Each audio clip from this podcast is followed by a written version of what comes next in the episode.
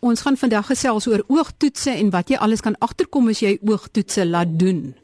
Ek gesels met Rudien Diedriks. Sy's 'n oogkundige van Mellons Eye Style in Johannesburg en sy gaan vir ons 'n bietjie vertel hoe werk oogtoetse en al die interessante dinge wat mens kan agterkom as mens jou oë laat toets. Want moenie dink jy as jy jou oë laat toets dat jy net gaan uitvind of jy goed kan sien en of jy swak sien en of jy uit fokus uit sien of nie uit fokus uit sien nie. Want daar's baie baie ander interessante goed wat mens kan agterkom tydens 'n oogtoets en dan kom jy ook agter hoekom dit so belangrik is om maar liewerste gereeld te gaan vir 'n oogtoets. Ehm um, Rudien Goeiedag Marie, hoe gaan dit? Baie welkom op my program en ek is uh, baie bly dat jy uh, by ons kan aansluit.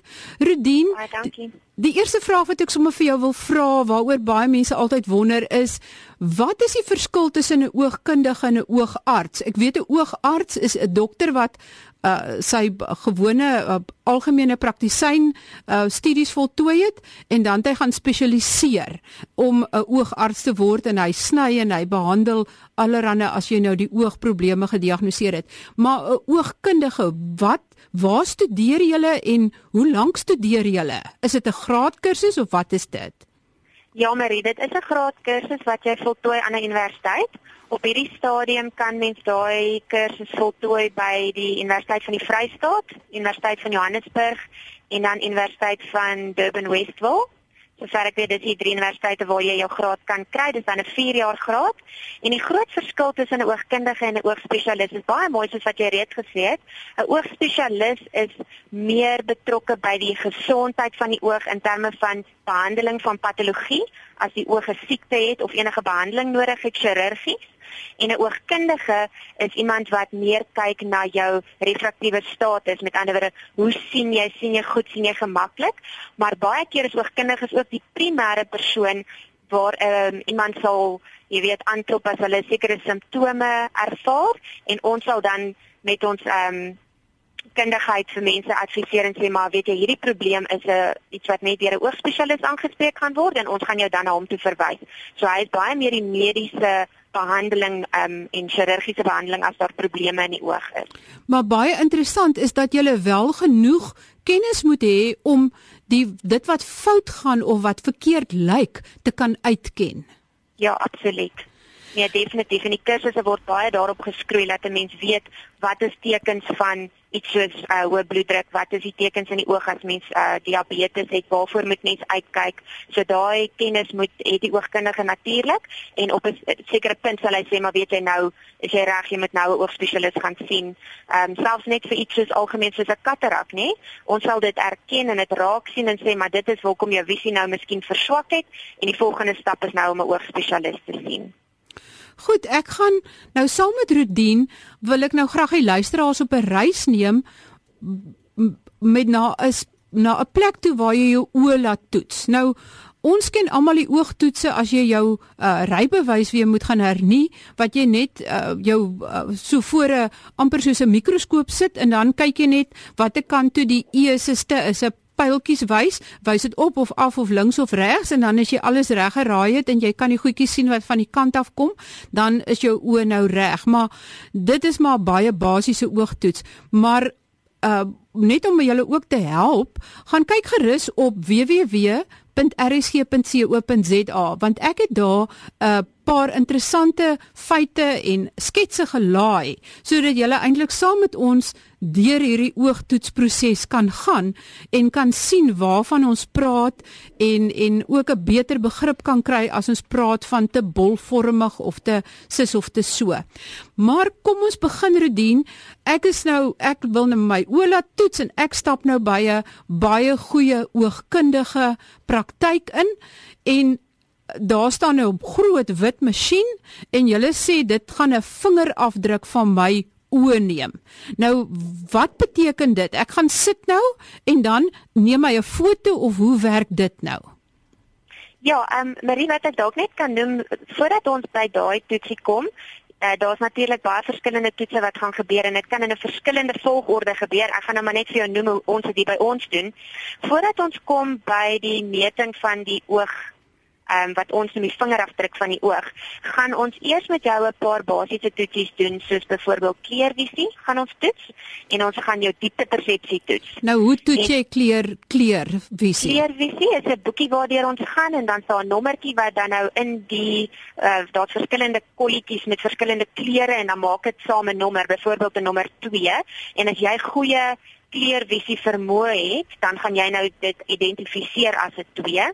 Want wat 'n mens moet ook onthou van 'n mens se oog is kleurvisie alhoewel mens gebore word met goeie kleurvisie of nie goeie kleurvisie nie, dis gewoonlik iets wat weet van jou kinderjare af saam met jou is. Is daar ook ook oogkondisies wat jou kleurvisie vermoë verswak? So dit is 'n baie belangrike toets om te doen om mee te begin. So ons sal 'n keervisie toets doen. So wat het, watse toestande kyk mens waaroor moet mens bekommerd wees as jy een se kleervisie nie goed is nie? As jy nie van vroeg in jou lewe af dit weet nie en laat jy weet dat jy weet maar ek het nog altyd goeie kleervisie gehad en nou het dit verander 'n uh, eenvoudige of 'n baie algemene kondisie is byvoorbeeld katarakke. Ja. As jy in 'n vroeë stadium van katarakontwikkeling is, is blou nie meer 'n baie duidelike en helder blou nie en rooi is nie meer helder rooi nie. So daai uitgewaste gevoel van die visie kan baie keer maak dat jy dan in 'n kleurvisie toets nie daai spesifieke nommer kan identifiseer nie en dan sal ons natuurlik verdere aandag aan daai ehm um, jy weet eh, spesifieke kondisie moet gee. Of dit kan al dalk vir ons 'n rooi liggie aan aansit en sê, "Oef, jy weet hier is iets wat dalk pla." Goed, en dit is maar net een van die oogkondisies wat kleurvisie affekteer soos wat ons ouer raak. Goed, daar's nou 'n klare baie interessante ding wat ek self ook nie geweet het dat jy daarvoor toets nie. Nou Absoluut. En dan sê jy diepte van veld. Met ander woorde of jy ver of persepsie diepte persepsie persepsie en dit is 'n direkte funksie van of jou twee oë as 'n span saamwerk of nie. En dit is 'n baie belangrike toetsie as ons byvoorbeeld met kinders werk, want partykeer kom mens nie agter dat die een oogie nie goed is nie. Jy weet, hulle kyk en hulle sien alles wat hulle moet sien, maar met daai toetsie klaar kan ons agterkom, maar hier's nie spanwerk tussen die twee oë nie wat natuurlik baie 'n groot impak het op skool, ehm um, prestasie en leesvermoë. So dan onmiddellik daar kan ons sien hier is 'n probleem of nee, die oogies werk lekker saam en dan beweeg ons aan na die volgende stasie toe. Ja, want as die oogies nie saamwerk nie by 'n kind, baie mense dink dat as die uh, kleintjie skeelerig kyk, dit is oulik en dit sal outomaties weggaan, maar daar's eintlik 'n baie groot gevaar daaraan, nê? Nee? Ja, daar's 'n groot gevaar daaraan. Kyk, mens moet daar's altyd twee kante van 'n saak, nê? Ehm um, as babatjies baie klein is, dan kom dit voor asof die oogie trek en as 'n mens so iets sien, moet jy dit definitief laat ondersoek, maar dit kan heel moontlik wees dat die oogspesialis jou gaan sê, weet jy, hierdie is nie iets wat jy oor moet bekommer nie, dit kom net so voor want die neusbrug het miskien nog nie goed ontwikkel nie en hulle gaan dan daardie kind opvolg met tyd. Maar as daar 'n probleem is, moet mens nie sê nee dit sal maar beter word of wag ek gaan wag dat die kind 'n sekere ouderdom bereik nie. In 'n mens se visuele stelsel is daar 'n baie kritieke tyd waar daar koneksies ehm um, vorm tussen die brein en die oog want ons kyk met ons brein ons oog is net 'n instrument nou as daai koneksies op 'n sekere tyd in jou lewe nie reg vorm nie dan help dit nie ons toets eers die oë as hulle 10 jaar oud is nie want dan daai koneksies klaar weet plaasgevind. So dis hoekom mens baie keer kindertjies sal sien met 'n brilletjie as hulle klein is. En alhoewel dit vir mense baie keer nogal hartverskeurende is om vir 'n kleintjie 'n bril te gee, is dit baie goed want dan um, behandel jy die probleem voordat daai kritieke tyd verby is waar daai oog die verbinding maak met die brein. Ja, want so dit is, is baie belangrik. Want as dit nie gebeur nie, dan kan daai oog blind wees. Hy gaan nie noodwendig miskien blind wees nie, maar hy gaan nooit 'n goeie vlak van visie bereik nie. Ja, en dan kan jy maar hoe sterker bril gee, daai koneksies het nie gevorm nie, so daai visie kan nie optimaal wees nie. Goed, as jy nou klaar die uh kleur getoets het vir kleurpersepsie en dieptepersepsie, uh dan beweeg ons aan na die uh masjien waarna jy verwys het waar ons die vingerafdruk van die oog neem. En wat daar baie kardinaal gebeur is dat ons meet wat is die verskil van hoe lig in jou oog in refrakteer en trek en en natuurlik hoe jy dit dan nou sien tussen 'n groot pupil byvoorbeeld as jy in die aand is, 'n nagvisie, is mense pupille groot, so dan gebeur daar iets baie verskillend met jou visie teenoor as jou pupille klein is deur die dag want natuurlik is dit mos dan nou sonnig en ons pupille is klein. En daai verskil tussen nag en dagvisie word baie pertinent gemeet as ons die vingerafdruk meting van die oog neem. En uh, ek het ook gesien dit is sulke driedimensionele fotos wat ook geneem word van of voorstelling van hoe die retina uh uh, uh lyk of die oog se vorm sodat jy ja. kan sien hoe bolvormig of hoe plat dit is en dan kan jy alreeds weet is die is die oog te rond weet te kort en, en ja. vet kan jy sê dat hy uh, dat die dat die uh dat hy bysiende gaan wees of dat hy andersins of hy dalk versiende gaan wees. Verseker, daai masjien is baie ehm um, is 'n baie daar's baie metings wat hy neem. So een van die metings is die verskil tussen die dag en die nagvisie. Die volgende foto waarna ek dink jy verwys is die korneale topografie van die oog. So dan kry ons baie mooi idee van wat is die baie baie intense vorm van die oog. So ja, dit help ons met die voorskrif, dit help ons ook met kontaklenspassings want dit is 'n natuurlike baie belangrike meting om te weet hoe die oog se vorm is. So dis een van die goed wat daai masjien dan ook vir ons meet. So kan jy met dan kan jy sien of die oog se vorm eweredig of glad is en of hy hobbelrig ja. is. Nat definitief. En dit het ook 'n diagnostiese impak want as jou oog 'n sekere hoeveelheid as mens net nou daai woord wil gebruik hobbelrigheid in hom het, kan dit 'n aanduiding wees van 'n oogkondisies wat ons keratokonus noem en dit help ons ook om daai mense op 'n vroeë stadium raak te sien en jou dan te verwys vir behandeling by 'n oogspesialis. So daai masjien doen vir ons geweldig baie goed en ons kry geweldig baie inligting uit daai vingerafdruk van die oog uit. Dit is nie net te doen met 'n maak van 'n bril nie. Ons was nou laas by die interessante nuwe apparaat wat allerlei inligting oor jou oog kan versamel soos 'n uh, um uh, drie drie dimensie beeld van jou oog kan gee en kan sien hoe bolvormig of hoe plat jou oog is. Nou wat beteken dit as jou oog kan jy net vir ons verduidelik wat beteken dit as jou oog te bolvormig is of te ek wil amper sê 'n kort vet balletjie is in plaas van 'n lang plat uh uh, uh vorm het. Wat maak dit met die strale en wat noem mens dit dan? Marie, jy kry basies 3 ehm um, drie hoe sou mens sê variasies op die vorm van jou oog wat se tipe lens ons natuurlik nou vir jou gaan voorskryf. Goed. So as jou oog ehm um, mens kry 'n skematiese oog wat dan nou 'n hoe sou mens sê 'n perfekte grootte en 'n perfekte bolvormigheid aan hom het. As 'n mens se oog byvoorbeeld groter en langer is as daai optimale skematiese oog, gaan jou voorskrif heel moontlik uh baie jy sal baie bysiende wees. Met ander woorde as jou oog skematies 'n klein bietjie groter is as die normaal as mens dit nou so kan sê, dan gaan jy dit baie moeilik vind om op ver voorwerpe te fokus en ons gaan dan nou vir jou ooreenkomstige lense gee om die lig anders te breek sodat die lig optimaal op die retina val. As jou oog 'n klein ehm um, jy weet 'n uh, bietjie kleiner is as die skematiese oog, dan sal jy teen teen een versiende wees. En dan gaan ons nou weer vir jou 'n ander tipe lens gee om daai versiendheid te verander en die lig te kry om tot op die uh, retina te val. Maar dan kry mens 'n derde variasie waar jou oog in verskillende vlakke, verskillende lengtes is.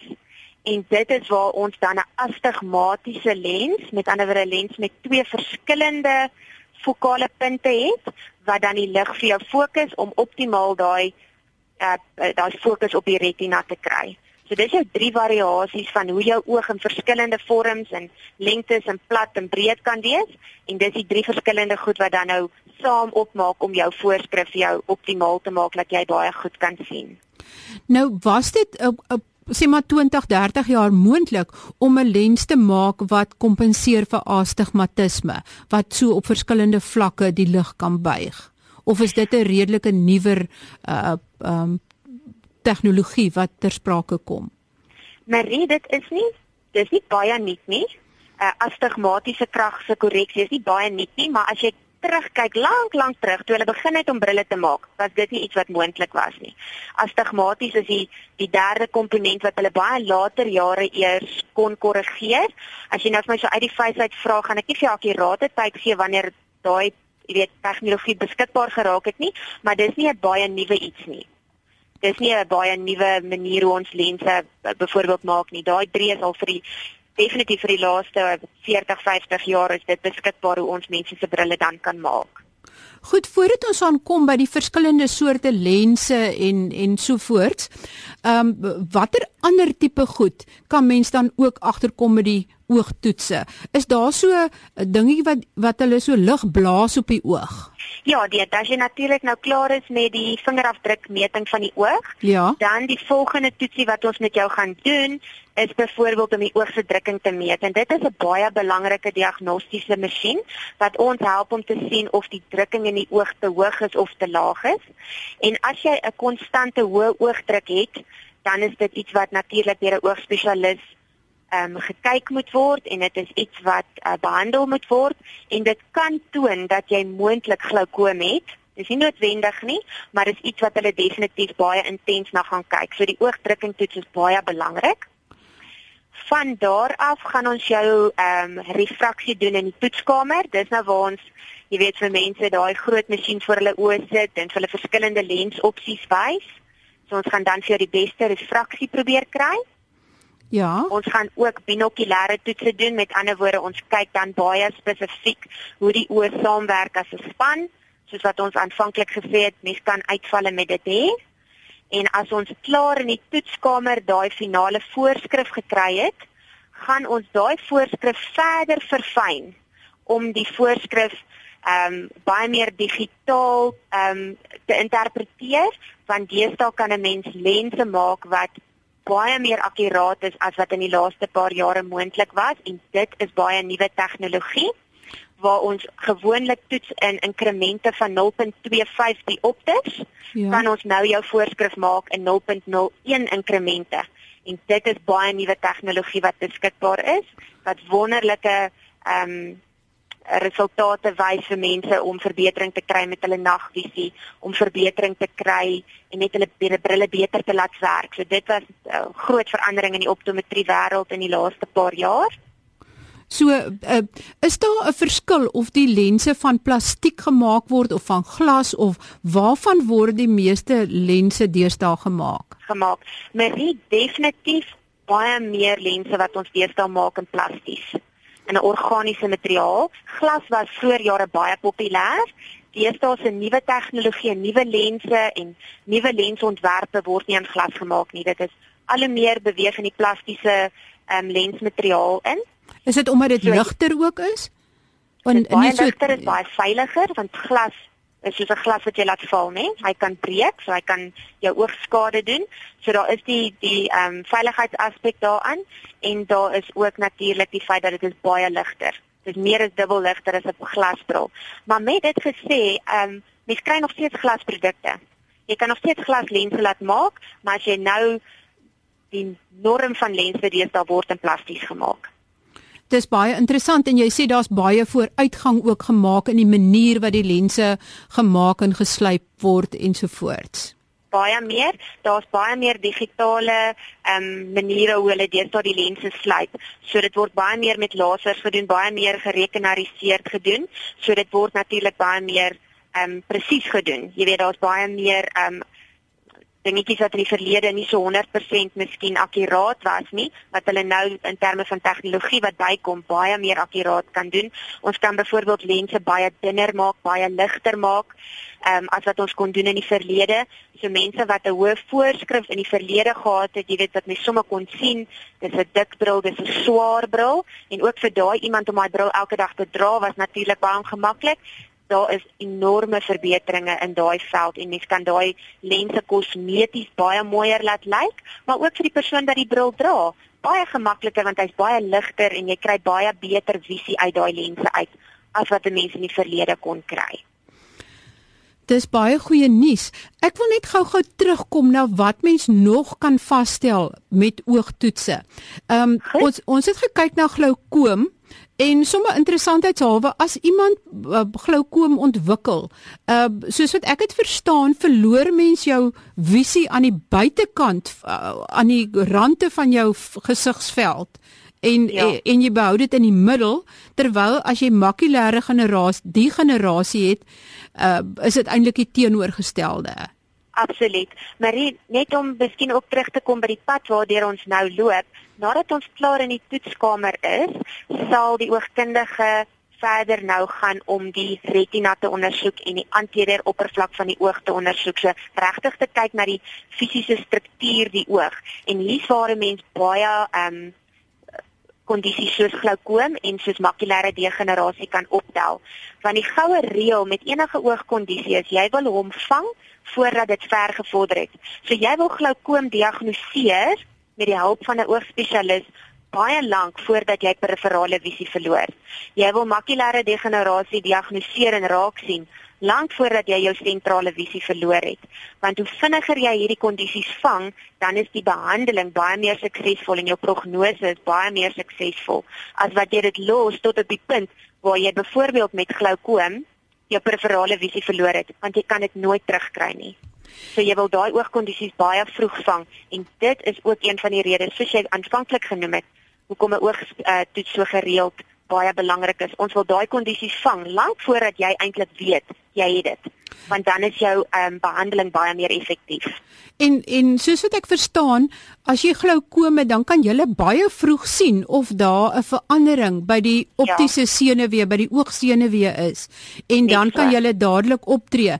En so ook met makulêre degenerasie, jy kan gou-gou op die makula, dit is mos die blinde kol, né? Nee? die ja. agterkant van die oog, die jou sentrale visie is is waar dit geleë is. Ja, dan kan jy mos daar dadelik sien of daar 'n verandering op die uh op die uh retina op die makula is. Absoluut. En dan wil jy jy wil dit in daai vroeë stadiums vang. En oogkundiges is kundig genoeg om daai tipe tekens en ehm um, jy weet uh, spesifieke tekens op die oog raak te sien. En dit wat so wonderlik is om om by 'n oogspesialis uit te kom, want dit gaan nie net oor jou oë se visie nie, dit gaan ook oor gesondheid. Goed, dan wil ek net vinnig die laaste paar goedjies wat jy ook kan sien wat vir my baie interessant was, is dat jy kan sien as iemand aanhoudend hoë bloeddruk het. Uh wat is die tipiese tekens daarvan? Jou oog is wonderlik in die sin van as ons kyk agter op die oog, dan sien ons 'n netwerk van bloedvate. En jou bloedvate vertel en verklap baie oor 'n mens se vaskulêre gesondheid, soos wat jy genoem het jou bloeddruk, uh diabetes en cholesterol. Dit is drie groot sistemiese kondisies wat 'n mens al agter in die oog kan raak sien. En partykeer is die tekens baie baie ehm um, duidelik en mens sien dit baie goed en baie keer is dit baie subtiel en mens moet baie mooi daarvoor kyk. Maar as jy byvoorbeeld kyk na hoë bloeddruk, as jou bloeddruk baie buite beheer is, dan sal 'n mens bloeding sien agter op die oog. Jy sal die bloedvaatjies sien wat 'n baie verskillende pad loop. Hulle is nie noodwendig miskien lank en reguit nie, hulle is baie meer ehm um, squiggly. Ek weet nie dit ek is nou nie 'n beter woord wat ek kan sê nie, maar hulle krul en hulle hulle is baie meer krommer. Ja. As wat 'n langer ehm um, bloedvaatjie sal wees en dit kan sulke klein goedjies is tekens wat sê miskien is hier iets wat ehm um, wat nagevors moet word. Maar wat ek vir ook kan bysê, die fotootjie aan die agterkant van die oog en dit wat ons sien agter op die oog is nie 'n diagnostiese toets nie. So ek gaan nie vir jou kan sê jy het of jy het nie bloeddruk nie, maar as jou bloeddruk baie buite beheer is, kan dit in die bloedvaatjies gesien word en ons kan iemand dan adviseer om sy bloeddruk na te laat gaan. Goed en ek ek sien die by hoë bloeddruk aan sit sulke uh, krullerige uh, dik aartjies of of faaitjies ja, en daar's wit kolletjies wit kolletjies met hoë cholesterol kan daar dalk 'n geelerige skynsel ergens wees en lyk my met met hoë bloedsuikervlakke is daar weer klomp fyn bloedfaaitjies en bloedingkies ja. en allerlei goeters wat vorm ja. so julle kan eintlik amper Julle kan eintlik baie baie dieper kyk as wat mens ja. ooit kon droom. Maar ja. ehm ja. um, so vinnig kom ons dan ook al weer aan die einde van ons program. Rudien, baie baie dankie vir die baie interessante inligting en baie sterkte met jou werk en ek hoop dat die luisteraars volgende keer as hulle hulle oë laat toets, uh, goed aandag sal gee en nou beter ingelig is oor alles wat 'n oogkundige kan toets en waarvoor daar uitgekyk kan word. Baie dankie. Tot volgende week dan. Totsiens.